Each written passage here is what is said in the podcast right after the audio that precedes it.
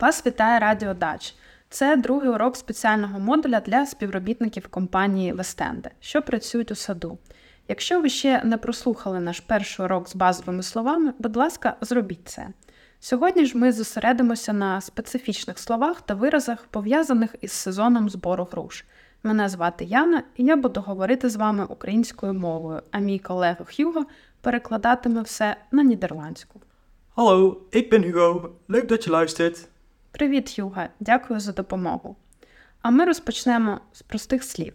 Я буду говорити їх українською, а Хьюго повторювати за мною нідерландською. І наше перше слово драбина, Trap. Trap. ящик, Kist. Kist. тачка з насосом, Pompkar. Pompkar. Корзина для збирання груш, Emmer. Emmer. Дякую, Хьюго. Graag gedaan. Думаю, це були зовсім нескладні слова, але настав час рухатися далі, і в наступній частині нашого уроку ми розглянемо кілька висловів, які стосуються правил роботи. Наприклад, вас можуть попросити залишати свої сумки під деревами, щоб вони не заважали руху техніки. Тож, для початку давайте дізнаємося переклад слова сумки. Tassen. Tassen. А тепер як буде під деревом? Onder de boom. Onder de boom. А тепер разом сумки під деревом. Tassen onder de boom. Tassen onder de boom. Колеги також можуть попросити вас бути уважнішими і добре обривати груші всередині дерева, де їх часто складно помітити. Наприклад, як буде звучати вираз дивіться уважно. Goed kijken. Goed kijken. А всередині дерева Binnen in de boom. Binnen in de boom. ще одна популярна фраза не забувайте нічого. Niks vergeten. Niks vergeten. Дякую за допомогу, Хьюго. А ми нарешті підходимо до фінальної частини нашого уроку, де ми поговоримо про правила наповнення ящиків та сортування груш. Можливо, вам вже розповіли, що ящики потрібно наповнювати рівномірно, не залишати їх наполовину пустими, а маленькі та криві груші викидати. Тому ми хочемо надати вам кілька корисних фраз, які ви можете почути від бригадирів стосовно цього процесу. І давайте почнемо з того, як сказати маленькі груші.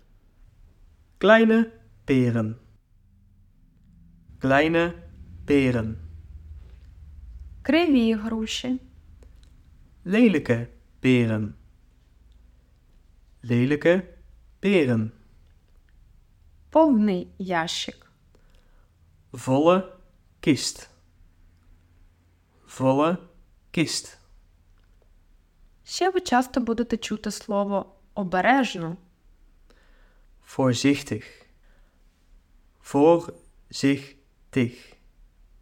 Voorzichtig. кладіть обережно, Voorzichtig wegleggen. Voorzichtig wegleggen. зривайте обережно, Vlak wegleggen. Vlak wegleggen.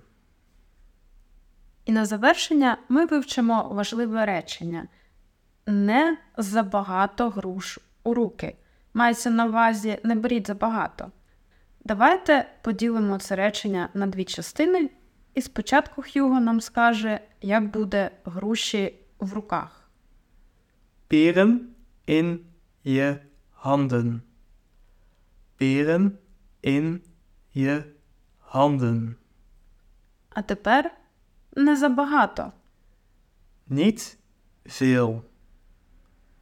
Niet veel. І разом Не забагато груш у руках. Niet veel peren in je handen. Niet veel peren in je handen. Нарешті це все. Але давайте зробимо невеликий тест з п'яти слів, які ми вивчили сьогодні. Спочатку я скажу слово українською мовою і дам вам невелику паузу, щоб ви могли пригадати переклад, а потім Хьюго надасть правильну відповідь. Драбина, Trap, ящик, kist, тачка з насосом, pompkar, корзина для збирання груш, emmer, маленькі груші, kleine peren. Дякую, Хьюго. Це кінець нашого уроку. Він був досить складним. Але, будь ласка, послухайте його кілька разів, і ми гарантуємо, що ви запам'ятаєте всі ці слова. Дякуємо за увагу і до зустрічі. Tot ziens! До зінц!